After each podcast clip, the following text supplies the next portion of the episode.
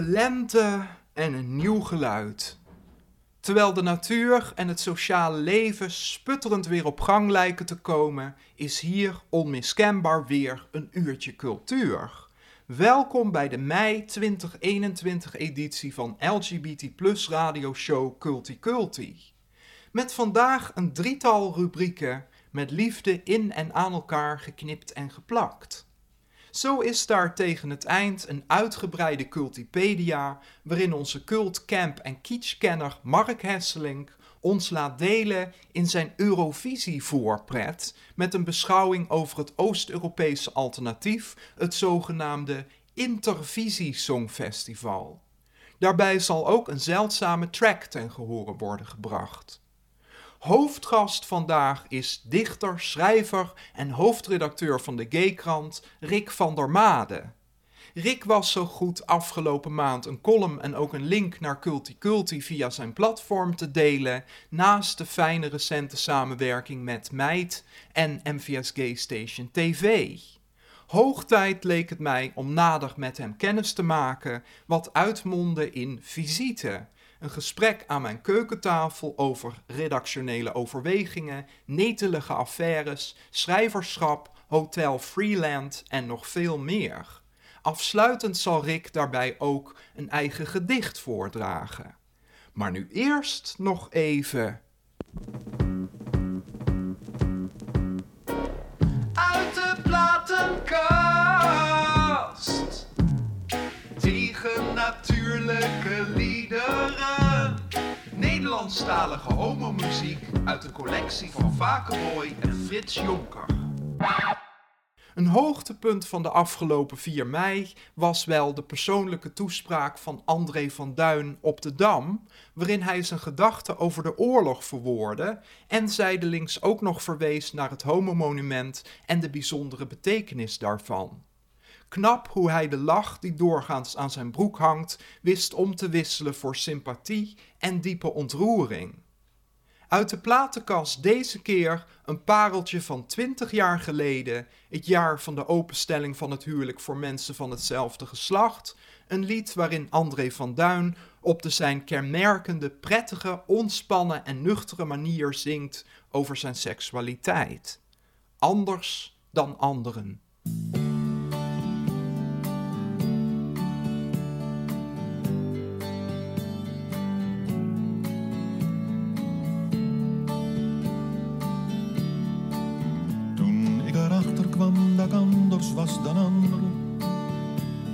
Heel mijn leven lang niet zou veranderen Maakte dat mij eerst wel een tikkeltje nerveus Maar ja, het was nou eenmaal zo, ik had geen keus In het begin, dat wil ik zeker niet ontkennen Was ook voor mij dat anders ze zijn wel even wennen ik dacht, hoe moet ik het ze thuis nou toch vertellen?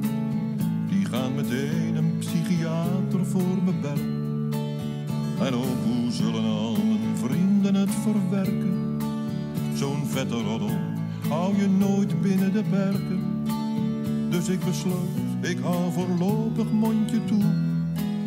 Want ik voorzag een hoop gedonter en gedoe. Maar na een tijdje ging het toch een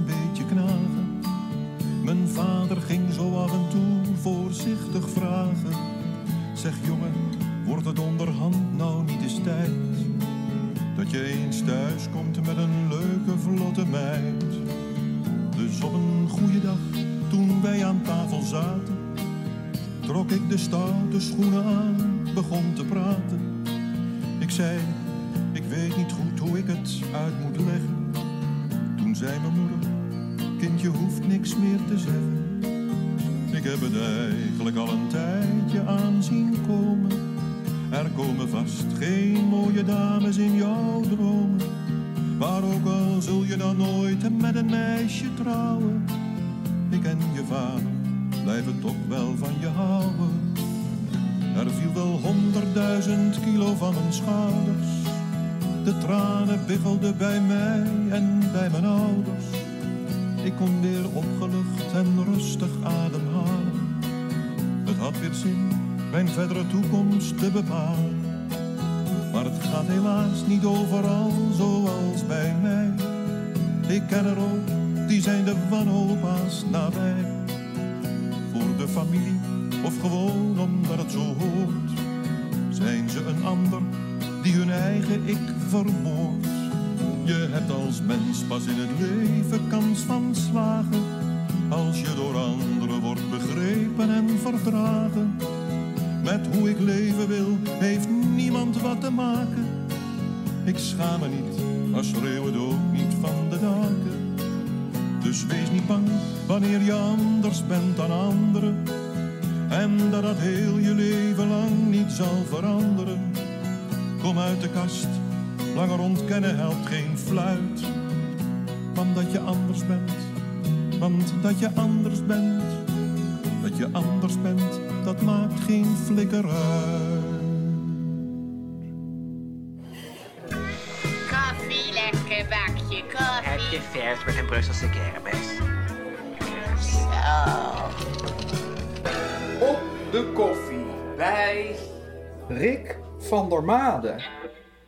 Met deze keer Rick bij mij aan de keukentafel. Kerstverse hoofdredacteur van de G-krant. En dichter ook nog. Ja. Welkom. Dankjewel. Je komt uit Hoge Zwaluwe. Ja, ver weg. Ver weg Nou, nee hoor, maar in Brabant. het is toch, ja, het is toch een uurtje, een dik uur rijden. Ja, Brabant, eh, tussen Breda en Dordrecht, aan de rand van de Biesbos. En na 30 eh, jaar eh, omzwervingen buiten Brabant weer terug in Brabant, geboren in Breda. Het leven is goed in het Brabantse land. Altijd, hè? Ja? Het land waar mijn wieg heeft gestaan. Hè? Ja. Ja, nee, ja, nee het, het is wel. Ik zei gisteren nog tegen mijn jeugdvriend van, eh, ja, het, het, het is wel. Ik voel het wel als thuiskomen. Hè? Ik bedoel, het is wel mijn accent, hè? het is mijn dialect, eh, het is mijn ja, geboortegrond. Hè? Mhm. mijn, mijn grootouders kwamen daar ook vandaan uit die streek waar ik nu woon. Dat is iets wat ik herken. Dus dat is prettig. Ook in Nederland of ben je ook wel eens in het buitenland gaan wonen? Parijs gewoond. Ik heb lang in Marokko eh, vertoefd. Ik heb in Rotterdam gewoond. Ik heb in Amsterdam gewoond. Ik heb in de Zaanstad gewoond. Dus eh, genoeg hè. En dan kom je op een leeftijd dat je denkt, ja, wat nu? En welke leeftijd is dat? Eh, nu ben ik 52, dus ik was 50 toen ik weer terugging naar Brabant. Kun je wat vertellen over je jeugd? Volgens Wikipedia ben je de zoon van een uitgetreden non, las ja, ik. ja, klopt. Ja. Eh, nou, dan heeft Wi- Wikipedia dat heel goed, eh, goed omschreven. Mhm. Derde kind, de tweede zoon van een uitgetreden non en een bakkerszoon uit Maden. Vier kinderen, waarvan drie homoseksueel. Kijk aan. Eh, Ja. Alleen mijn oudste zus is hetero. Dus de zonen zijn allemaal homo. En mijn jongste zusje is lesbisch. Ja. Ah. Dat is voor een uitgetreden non natuurlijk knap, hè? Dat dat je dat zo voor elkaar krijgt. En voelden ze zich daar schuldig over? Of, eh, Nee, nee, nee, nee. Ze is wel heel gelovig gebleven tot aan haar dood. Maar heeft dat geloof in een soort vat gegoten waarin ook de liefde voor haar kinderen alle plek kreeg. En waarin ja, homoseksualiteit eigenlijk geen rol speelde. In die zin, eh, ze hield van haar kinderen, Hmm. eh, ongeacht wat zij waren.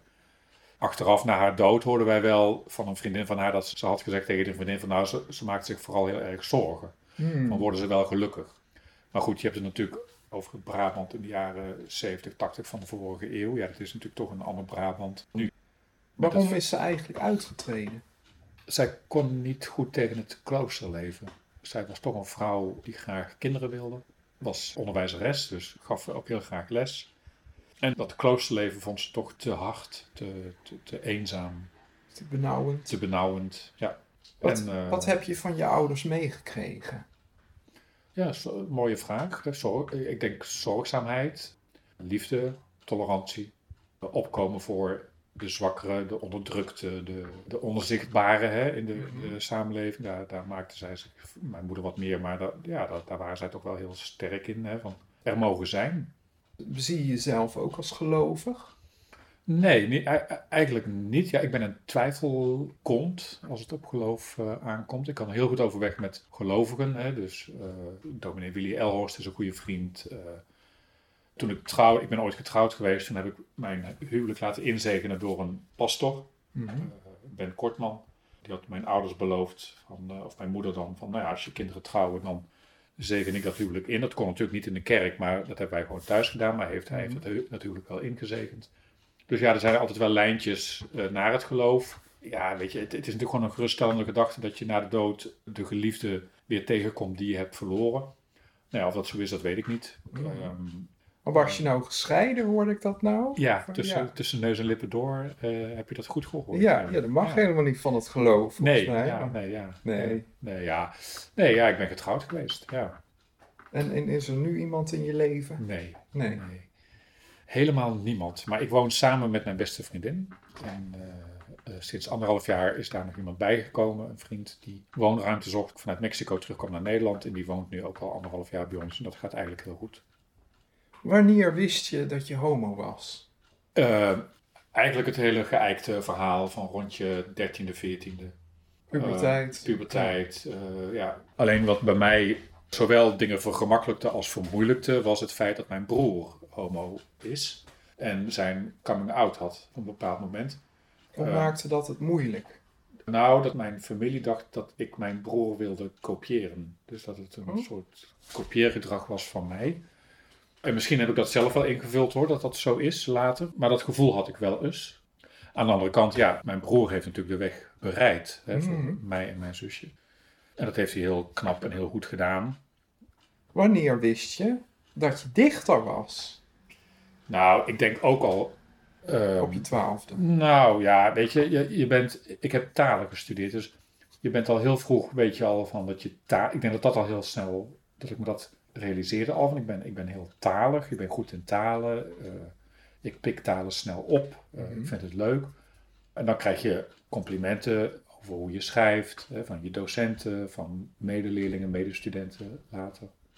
En het moment zelf was 2011, dat mijn compagnon en mijn vriendin, waar ik dus nu ook mee heb, Pascal, waar ik ook mee samenwoon, zei van ga schrijven. Hè? Ga de zaak uit en ga schrijven, want ik denk dat je moet gaan schrijven. En toen ben ik echt gaan schrijven. Dus ja, als je zegt Wat voor zaak was dat? het hotel. Oh ja. Dus, dat, eh, eh, dus ik, ik ben eh, wat minder in het hotel gaan werken, of ik ben eruit gegaan. Uite- Uiteindelijk ben ik eruit gegaan en ben ik gaan schrijven. En dat heeft geresulteerd in 2015 in een eerste dichtbundel. Die uitgegeven werd door een uitgever. Hè. Dus dat, dat is natuurlijk ook nog een heel, ja, eh, ook niet makkelijk hè, om, om een Mhm. uitgever te vinden die geïnteresseerd is. Ik schreef ook wel wat voor kranten. Er kwamen wat eh, columns van mij in kranten. Dus zo rol je dan weer de gaykrant binnen als columnist. Ik, heb ook voor, ik schrijf ook nog voor Gay News. Kan dat wel, als hoofdredacteur zijn van een concurrerend eh, medium? Nou ja, toen, nu wordt dat misschien wat lastiger. Dat, dat, ja, ik, heb er allemaal, ik heb er allemaal niet zo heel veel last van. Maar als anderen daar last van hebben, ja, dan, dan hoor ik dat vanzelf. Hmm. Ehm, ja, en ben je concurrent van elkaar? Ja, dat is natuurlijk maar de vraag. Je kunt elkaar natuurlijk ook heel ja, mooi... ik denk ook conculega's. En, eh, Precies, hè, je kunt elkaar natuurlijk ook heel mooi aanvullen. Hè? Ja. Bedoel, eh, Gay News heeft een, heeft een heel andere insteek dan, dan Gaykrant. Waar, waar ben je naar op zoek als je gedichten schrijft? Of schieten die je die te binnen? Ja, die, die, ja, ik zeg altijd zo, zo golven binnen. Zo golven binnen. Dus het komt eigenlijk op een soort... Meestal als ik in een, wat, als ik in een rusttoestand ben, dus 's avonds wat later, eh, in bed, hè, als ik dan wat lees en mijn gedachten wat open stel, komen de flarden binnen. Die noteer ik vaak even op mijn telefoon of op een kladblokje en die werk ik later uit. Gedichten werken anders dan columns of een roman of verhaal. Hè. Een, gedicht is toch iets wat je overvalt, hè, wat, wat bijna nou, wat ik zeg, hè, ze komen bij mij, althans dat gevoel heb ik, hè, ze komen binnendrijven. Kun je er een voorbeeld van geven? Ehm, er vorig jaar zat er op een gegeven moment een boomkruipertje, een, een jonkie, die zat aan de binnenkant van mijn raam. Ik had een hor en op de een of andere manier was hem, hem of haar toch gelukt om mijn kamer binnen te komen. En Oh, hij zat tegen die hor aan en zijn moeder zat aan de, of zijn vader zat aan de andere kant van de hor. Dus ze zaten tegen elkaar, maar die hor zat ertussen. En die moeder voerde hem door dat horretje heen. ach. Ja, dat was een heel mooi beeld. En dan, dat zie je. Dus dan, ja, ik vang dan de- dat jonkie, dat boomklevertje, en zet hem buiten. Nou ja, dat, dat is wel een gedicht geworden. Mhm. Ehm, en eh, het is niet, ik ben niet iemand van die gaat zitten wachten op inspiratie. Hè? Dus het is ook wel, ik vind schrijven ook werken. Hè? Het, het is Mhm. heel erg, juist door, ja, het is ook vakmanschap, het zijn vaardigheden. Hè? Het, het is iets waar je ook in moet en mag groeien. Dat vind ik nog wel eens wat onderbelicht hè? bij dichters en bij schrij- nou ja, schrijvers iets minder, maar bij dichters wel. Van, alsof het in één keer allemaal maar heel erg goed moet zijn, hè? wat dichters doen. Terwijl ja, er zit natuurlijk ook een, een geschiedenis in, daar zit ook een vaardigheid achter die je moet leren. Eh, en gewoon door te schrijven ontstaat ook anders schrijven, merk ik. Ja, het lijkt me best eh, moeilijk om over de actualiteit steeds een recente column te schrijven. Want je zit daar echt bovenop. Ja. Weet je altijd wel wat je vindt van iets? Nee, maar dat, ik denk dat ik daar ook weer eerlijk in moet zijn. Dat als ik twijfel, dat ik dan, dat, dan mag ik ook twijfelen. Ehm, hè, dat, dat wordt mij niet altijd in dank afgenomen. Ik refereer bijvoorbeeld aan eh, de affaire Sidney Smeets. Daar heb je een Eh, column over geschreven en die heb twee. je terug. Twee. Twee, En één daarvan heb je teruggetrokken. Of de laatste. de laatste. Nou, dat, dat bedoel ik dus. Hè, van dan, ik ben heel erg iemand van de, de, van de nuance en van eh, het grijs. Hè, van, ik ben heel erg grij, in die zin een grijze muis. Ja, dat ben ik niet, maar ja, je weet Je wat hebt ook bedoel. Hè, van, grijs ik heb een- shirt aan. Het- ja, gebroken wit noem ik het liever. Maar, Ecru. Ja. Ecru, ja. Nee, maar eh, ik ben niet van de heel uitgesproken mening. Hè. Ik, ik ben altijd van nog, maar, nog eens overpeinzen, en nog eens twijfelen en nog eens onderzoeken. En, ja, dat vind ik ook belangrijk. Hè. Dat, zo ben ik. ik. Ik ben niet iemand van de enorm bouwde uitspraken. Dus bij Smeets had ik dat, in het eerste artikel had ik dat gedaan. Nou ja, dat, dat is, daar heb ik geen slechte commentaren op gekregen of negatief. Die is ook aangehaald door de Volkskrant bijvoorbeeld, dat eerste artikel. Dus nou, dat was allemaal eh, prima. Het tweede artikel, want ik zag binnen de gaykrant, ik, ga even, ik maak even een stapje naar de gaykrant. Ehm, Mhm. Ik zag binnen de community van gaykrant dat de, de meningen nogal uiteen begonnen te lopen. En dat de felheid in de discussie ook toenam. Mhm. En die felheid, zowel van ouderen naar jongeren als van jongeren naar ouderen. En ja, ik heb mij toen verantwoordelijk gevoeld voor mijn ja, gemeenschap, voor eh, de Je lezersschare. Voor je lezers, ja. voor mijn lezerscharen. En ik dacht, ik ga een soort status quo schrijven. Hè, van waar staan we nu met de affaire Smeets? Waarbij ik blijkbaar, en dat heb ik achteraf ook wel gevoeld, maar op dat moment dat ik het schreef en publiceerde niet, van ja, ik, ik heb me gewoon opgesteld als een beetje een pedante leraar. Hè, die het allemaal wel eens even zou uitleggen hoe het zit en begrippen wat, wat te makkelijk opvatten en eh, te makkelijk bezig is zonder deze goed uit te leggen. Ja, en daar word je gewoon op dat moment op afgerekend en dat mag. Mhm. Dat, eh, dat, is, dat is ook prima. Sterker nog, ik, ik juich dat alleen maar toe, want het houdt mij ook scherp als hoofdredacteur.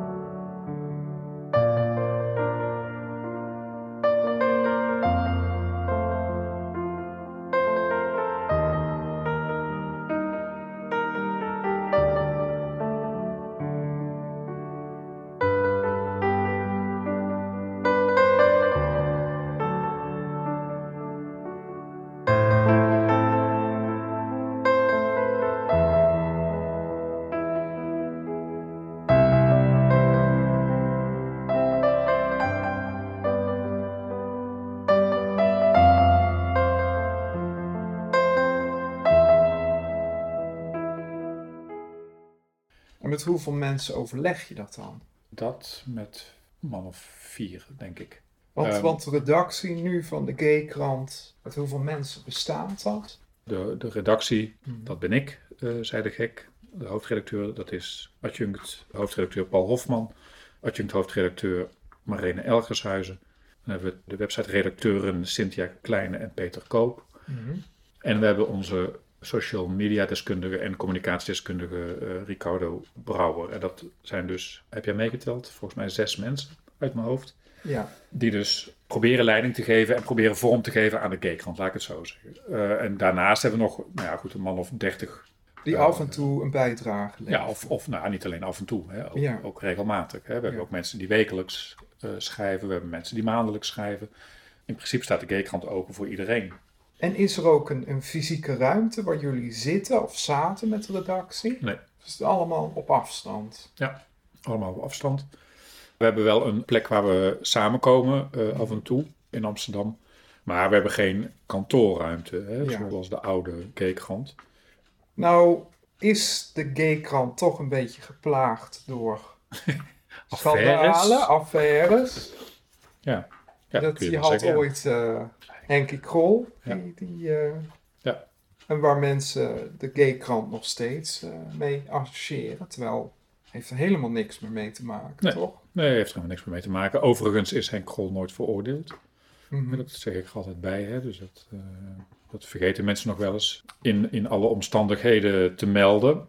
Eh, nee, we hebben natuurlijk eh, de affaire. Goh, of ja, we, ik was er toen nog helemaal. Ik, bedoel, ik was hartstikke. Ik was toen ook 12. Ik geloof dat zij in 1980 begonnen zijn. Mhm.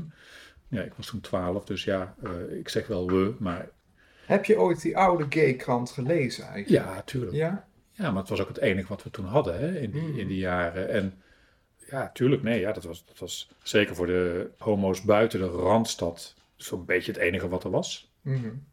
Amsterdam was heel ver weg hoor, in die Ja. jaren. Ja, dan ging je naar de V&D in Breda en dan kocht je daar de gaykrant.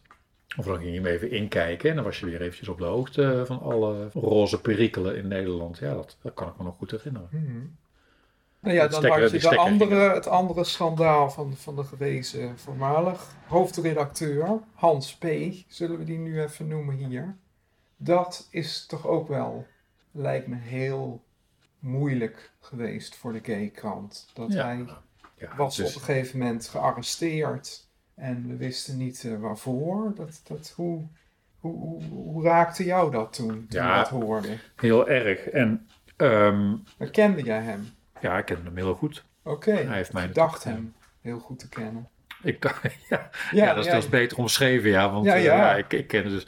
Nee, ja, heel goed, heel goed. Ja, blijkbaar dus ook niet zo goed dat, dat ik. eh, eh, maar goed, dat wist niemand. Ehm, nee, ja. Wat ik ook toen daarna heb geschreven in een column. En wat Albert Verlinde toen ook aanhaalde bij. eh, ik weet niet meer, shownieuws of zo. Mhm. Eh, van ja, diepe, diepe verwarring.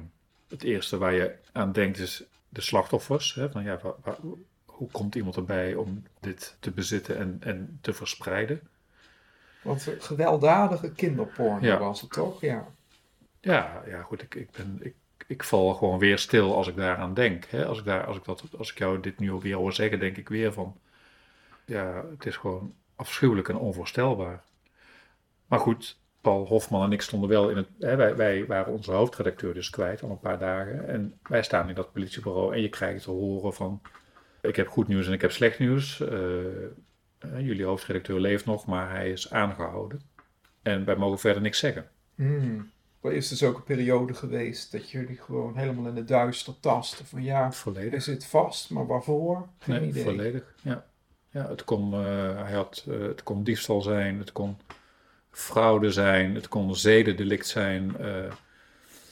nou ja, alles passeert de revue natuurlijk. Hè? Als je dan, Paul Hofman, ik weet het nog goed, en in de stromen, de regen liepen wij terug naar mijn auto. En ja, we stapten in en we bleven gewoon maar even in die auto zitten van, om het bericht op ons te laten inwerken. Van, ja, en nu? Hè, op dat moment dat, je, dat wij in die auto stapten, wisten wij niet, komt hij morgen weer vrij of overmorgen? Wat moeten we nu doen? Moeten wij het overnemen of niet? Of wij, hè, Paul dan, hè, Paul was toen adjunct, onder Hans was Paul nog adjunct, eh, hoofdredacteur. En dan besluit je ja, de naaste medewerkers waar je heel veel mee te maken hebt, toch uiteindelijk maar even in te lichten van, ja, we lopen hier nu tegenaan. Het was een woensdag dat we op het politiebureau waren en hij zou die vrijdag zou hij voorgeleid worden voor verlenging van het voorarrest. En we hebben besloten van, nou laten we daar dan maar even op wachten. Werd het voorarrest meteen, ik geloof, ik weet niet meer precies hoor, maar ik geloof met twee weken meteen verlengd. Ja, dan weet je dus dat er gewoon wel iets, iets gaande is. Maar ja, er, er was ook helemaal geen contact meer met eh, Hans. En het contact dat er was, ging via zijn advocaat. Hebben Ja, jullie en- helemaal nooit meer gesproken Nee. sindsdien? Nee. Nee. Nee.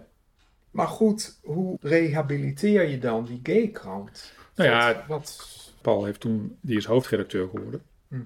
En die zei, eh, we gaan eh, de rust bewaren. Hè? Dus we, we gaan zeker niet kennen hè, dat, er, dat, dat dit een vreselijke aanslag is hè, op de naam eh Gaykrant. Mensen die willen vertrekken, die laten we gewoon gaan. Mensen die willen blijven, die blijven. En we gaan gewoon door hè, met hoe wij al bezig waren. In betrekkelijke rust, hè, dus gewoon de rust Mhm. proberen te bewaren. Wat dingetjes toch stroomlijnen. Hè, dus eh, meegeven aan medewerkers. Joh, word je benaderd door, door de pers of door de media, verwijs ze even door naar ons. Hè, van, ga zelf, als je het lastig vindt, hè, ga dan zelf ook niet die pers eh, te woord staan, maar laat Paul dat doen of laat mij dat doen. Waarom is Paul eigenlijk gestopt eh, als hoofdredacteur? Ehm, Paul gaf aan op een gegeven moment van de, de, de rust is eh, wedergekeerd. Er moeten dingen veranderen, er moet wat nieuwe energie in. En ik vind dat iemand anders dat doen. En dat eh, was ik. Ja. En hoe zou je jouw visie willen omschrijven? Dat is die nieuwe wind die, die er waait. Nou, de nieuwe wind is. ehm, wa- wat ik probeer te bereiken is meer diversiteit. Dat, dat is mijn eh, belangrijkste opgave. Hè, wij komen toch vanuit een witte, cis, eh, mannen, homo hoek. Daar kun je niks aan doen, want dat is de geschiedenis. Die moet je vooral ook omarmen. Wat Krol heeft gedaan is natuurlijk baanbrekend geweest. Maar toen spraken we natuurlijk ook nog over een homobeweging en de gaybeweging. Dat, dat waren natuurlijk toch hele ingeburgerde begrippen, zoals ook het woord homohuwelijk toen nog heel erg ingeburgerd was.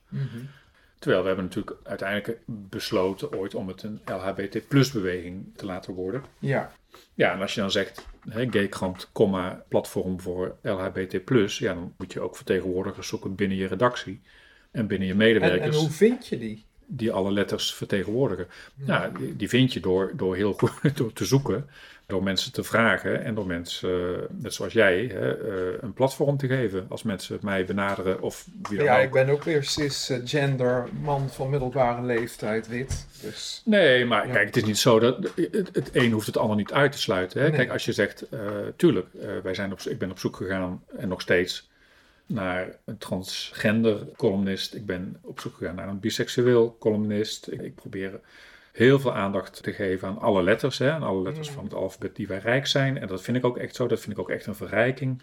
als je nu een oproep zou mogen doen, wat, wat zou je dan zeggen?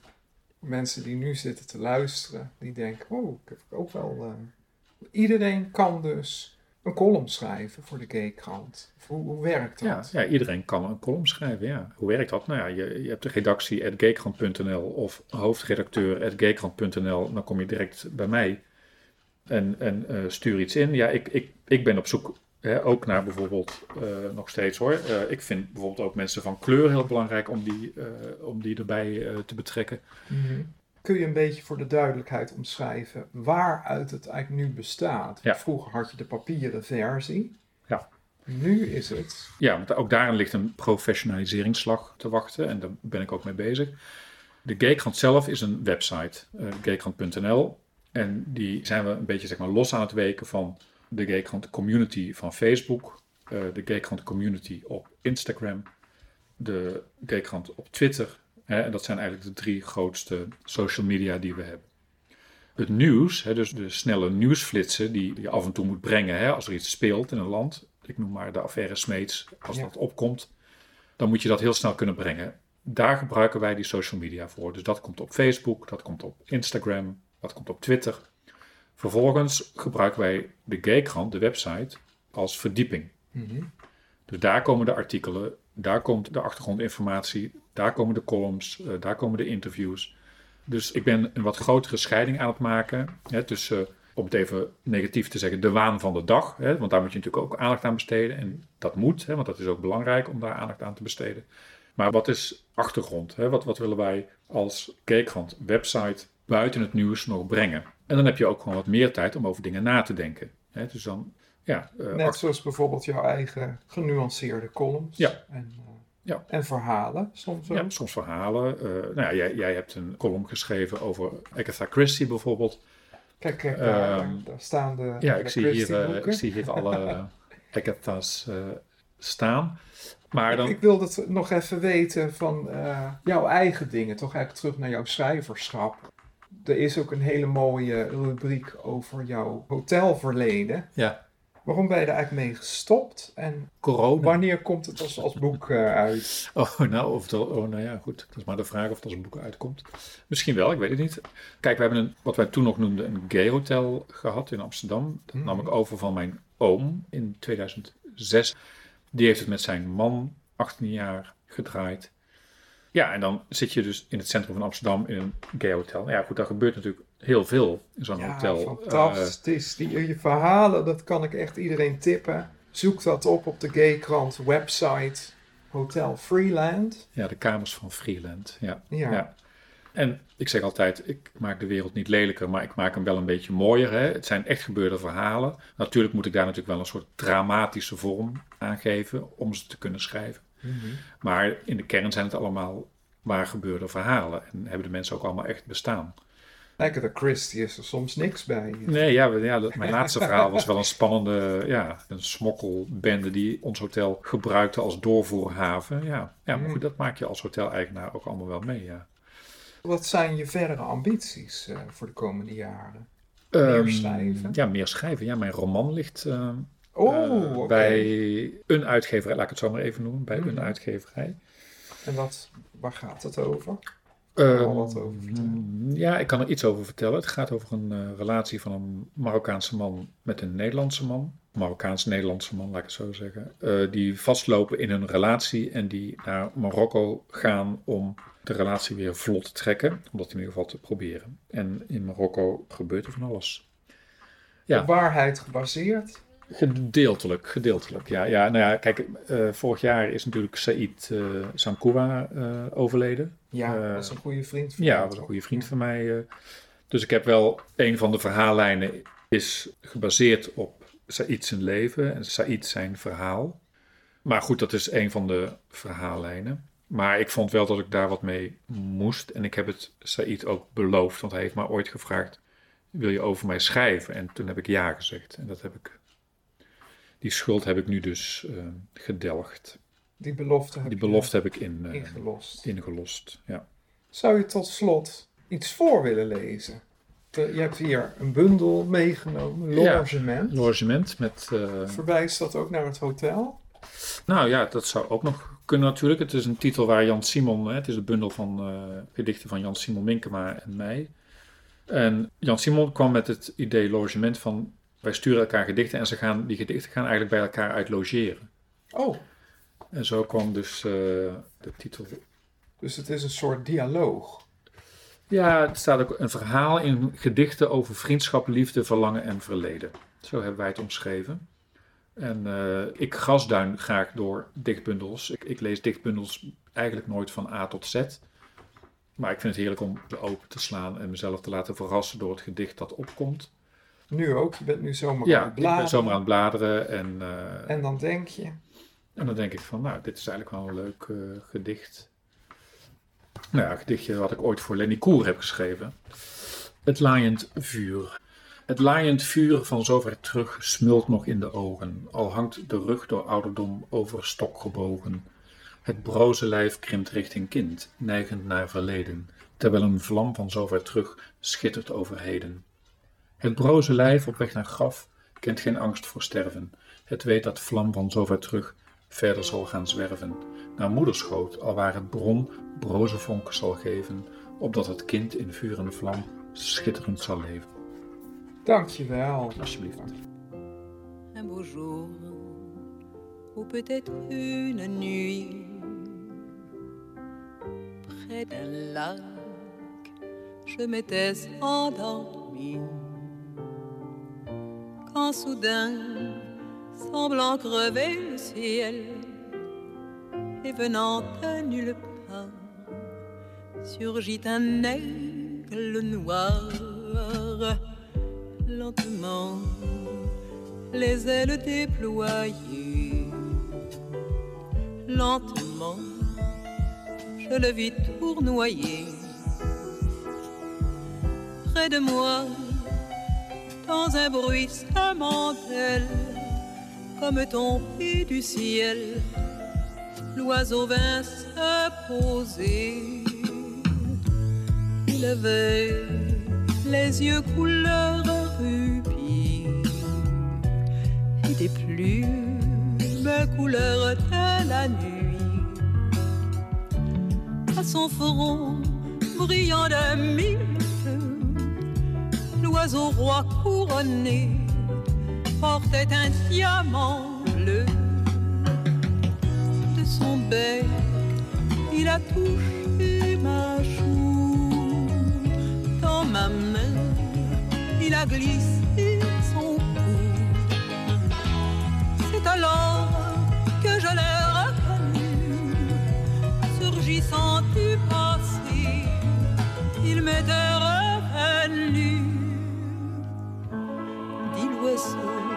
on dit emmène-moi, retournons au pays d'autrefois. Comme avant, dans mes rêves d'enfant, pour cueillir en tremblant des étoiles, des étoiles. Comme avant, dans mes rêves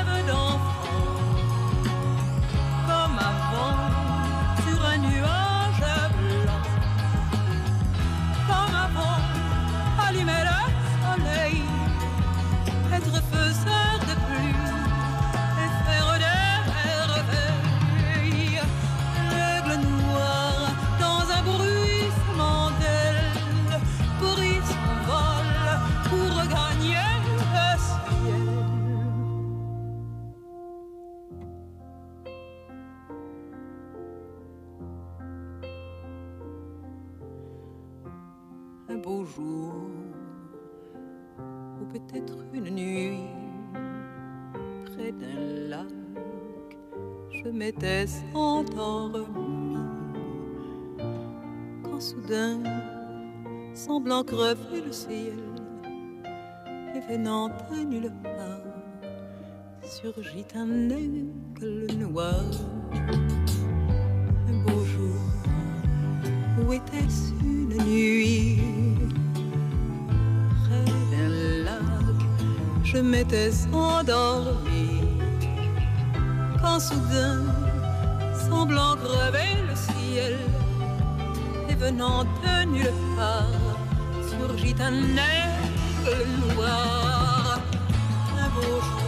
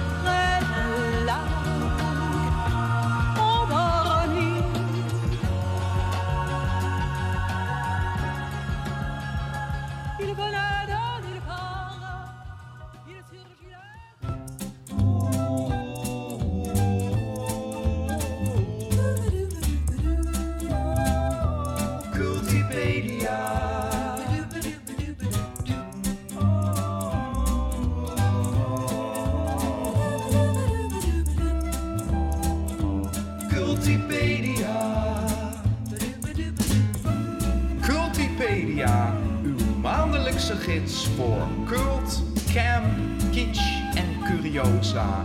Met Mark Hesseling.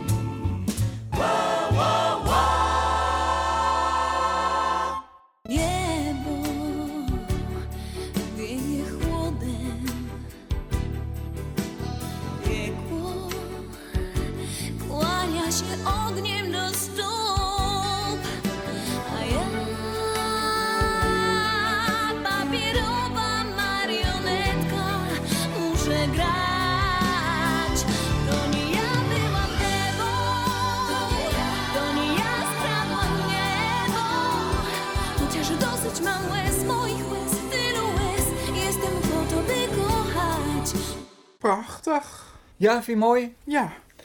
Welke taal hoorden we hier? Dit was Pools. Het is weer Songfestivaltijd. En de de vaste luisteraars weten wat dat betekent. Dan nemen wij met de Cultipedia een duik in die mooie en rijke Songfestivalgeschiedenis. Met dit keer dus een uitstapje oostwaarts. En dat uitstapje begonnen we in 1994. Een heel belangrijk jaar in de Songfestivalgeschiedenis. Misschien wel het belangrijkste. Want 1994 was het jaar dat het Oostblok zijn definitieve entree maakte in het Songfestival. Toen pas. Ja, Ja. Rusland, Slowakije, Estland, Litouwen, Hongarije, Roemenië, Polen. Allemaal maakten ze in 1994 hun Eurovisie-debuut. Wat je net hoorde was een stukje van het Poolse liedje Tony Ja, gezongen door Edita Gorniak. En het bijzondere is dat dat liedje die avond tweede is geworden. En dat is tot op de dag van vandaag het beste resultaat ooit voor een debuterend land. Beginners luck. Nou, zo zou je het Ja. kunnen noemen. Dat die landen ineens op de stoep stonden bij het Songfestival, dat had natuurlijk alles te maken met de val van de Berlijnse muur in 89 en daarop volgend het omvallen van alle Oost-Europese communistische regimes. Daarvoor was het absoluut ondenkbaar dat een Oostblokland aan het Songfestival mee zou doen. Er was één grote uitzondering, dat was Joegoslavië. Het was een buitenbeentje, in meerdere opzichten overigens, in het Oostblok. Want in heel veel Oostbloklanden was het domweg verboden om zelfs maar naar de West-Europese televisie te kijken. Wil natuurlijk niet zeggen dat dat niet op heel grote schaal gebeurde. Want het was natuurlijk een nauwelijks te handhaven verbod. Als jij in Oost-Berlijn woonde, dan kon jij met een ijzeren kleerhangertje de West-Duitse televisie ontvangen. En dat gebeurde dus ook heel veel. En vooral het Eurovisie Songfestival, dat was ongekend populair in Oost-Europa. Ondanks dat al die landen dus helemaal nog niet eens meededen. Maar het stond een soort van symbool voor het goede westerse leven. Heel veel Oost-Europeanen hadden een heel raar verknipt beeld van het leven in kapitalistisch West-Europa. Hoe Eh, zagen ze dat dan? ja, alsof wij allemaal in grote luxe baden. Allemaal een Mercedes-Benz hadden. En de hele dag Coca-Cola drinkend en Marlboro rokend. Juichend en feestend door het leven gingen. Nou ja, waanzin natuurlijk. Maar het Songfestival, dat was natuurlijk wel altijd een soort etalage van decadentie. En als jij in een grauwe DDR-flat woonde, dan droomde je daar graag bij weg. En dat wegdromen, dat was een doorn in het oog bij de autoriteiten. Die stonden namelijk voor de superioriteit van dat systeem. Het volk moest juist blijven geloven in het, het sprookje van de socialistische heilstaat. En dat ze alles oostelijk van het IJzeren Gordijn juist veel beter konden dan in het Westen. En toen is op een gegeven moment het idee ontstaan om met een Oostblok concurrent voor het Eurovisie Songfestival te komen. Iets wat uiteindelijk zoveel mooier en groter en feestelijker moest worden, dat niemand nog naar Eurovisie zou willen kijken. Oh jee. Ja.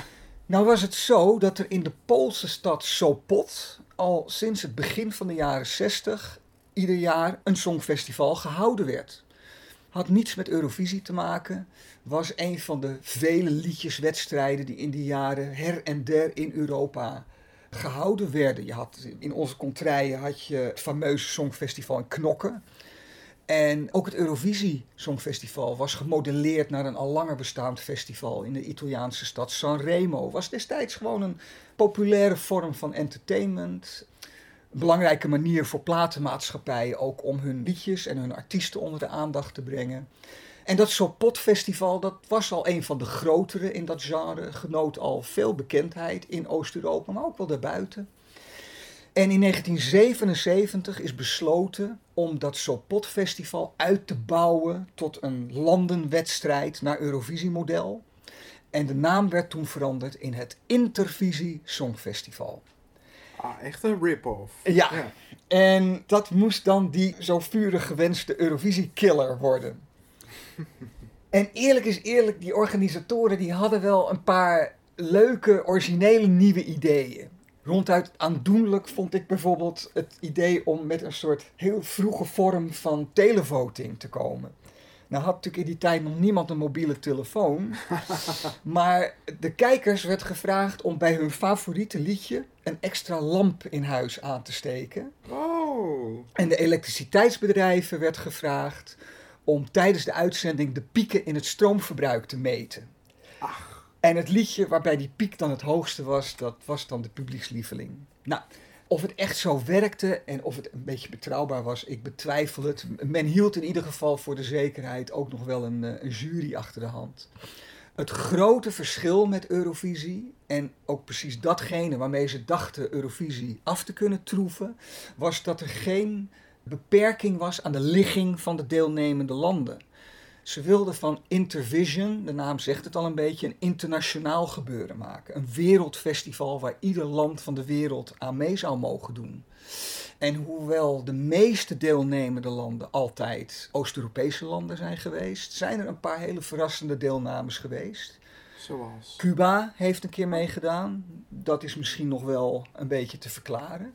Maar ook Canada heeft een keer meegedaan. En Marokko, ongetwijfeld aangetrokken door het feit dat Israël niet van de partij was. Wat overigens best had gekund. China misschien? Nee, China niet. Nee, nee, nee. Maar wel behoorlijk wat Eurovisielanden die kennelijk van twee walletjes wilden eten. Meest opvallend was Finland. Finland heeft aan alle edities van het Intervisie Songfestival meegedaan. Heeft het ook als enige niet-Oostblokland een keer gewonnen. Dat was in 1980. Het liedje Hi Vestieux. Where is the Night in het Engels werd gezongen door Marion Roem. En zij was een oude bekende. Want zij had al twee keer op het Eurovisie Songfestival gestaan. In 62 en in 73. Met respectievelijk de liedjes Tipiti en Tom Tom Tom. Maar goed, Finland, wel het land dat als enige dus beide festivals heeft gewonnen. Al moesten ze voor Eurovisie wel nog tot 2006 en Hard Rock Hallelujah wachten. Listen to the night. I can hear it fall. Because of a feeling. I can't handle this at all. Is it all a dream? Am I so blind? The shadow of a lover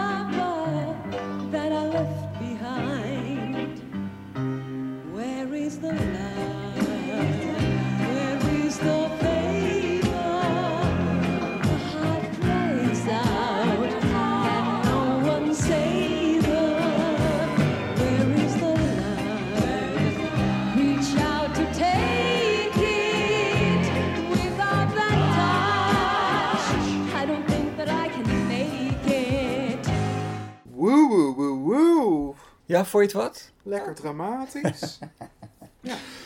Nou ja, hoe is het afgelopen met dat Intervisie Songfestival? Eigenlijk is het een flop geworden. Het is nooit meer geworden dan een slap aftreksel van Eurovisie. Het heeft nooit de kijkcijfers gehaald van Eurovisie, zelfs in Oost-Europa niet.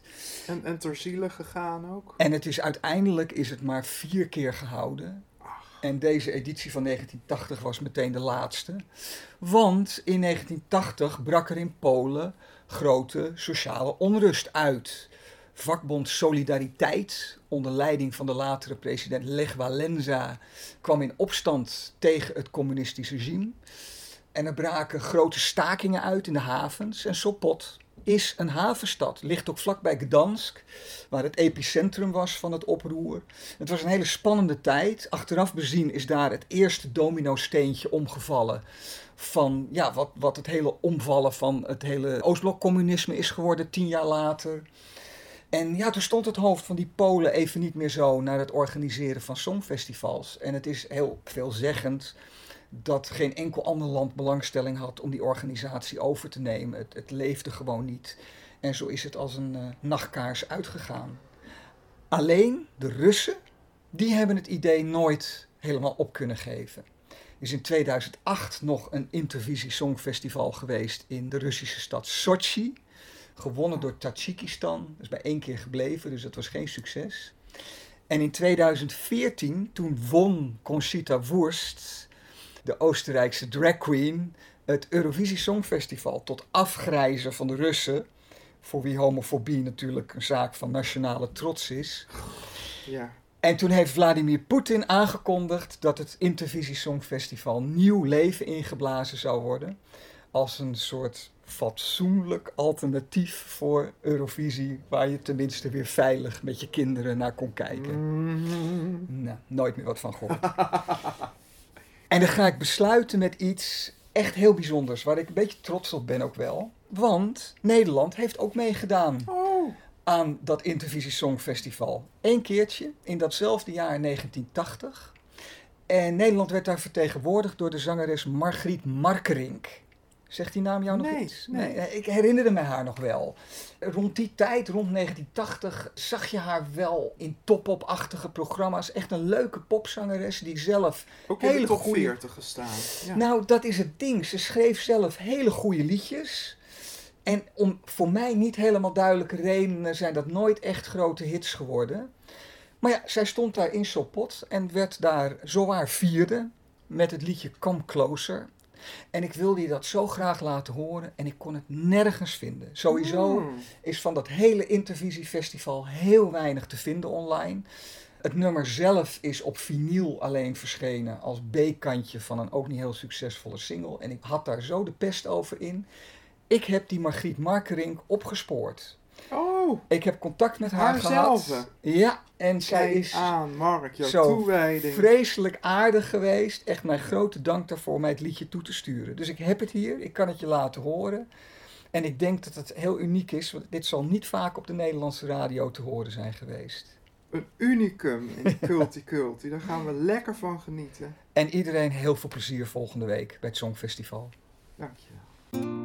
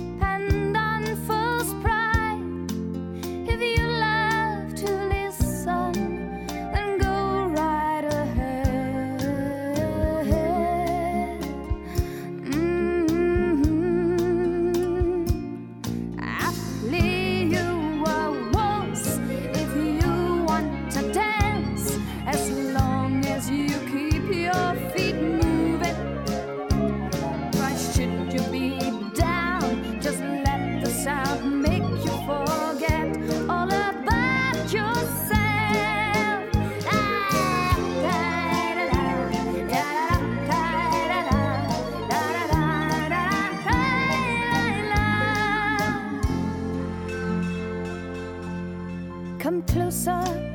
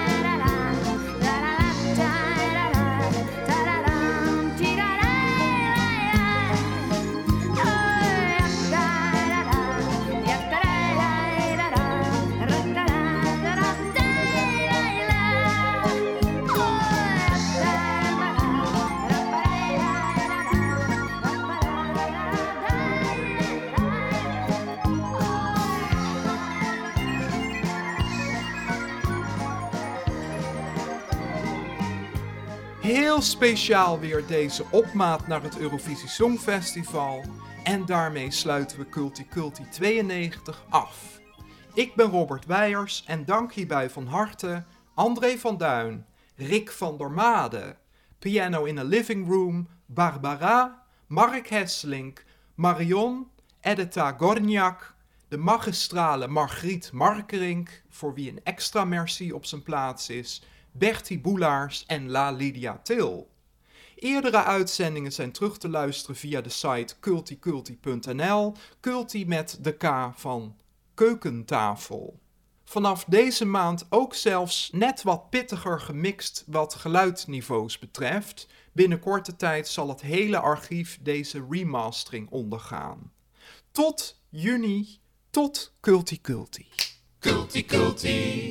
Culti Culti, Culti Culti, Culti Culti, Culti Culti, Culti Culti, Culti Culti, Culti Culti. Dit was NVS Radio. Voor meer informatie en media ga naar www.nvs.nl. NVS Station.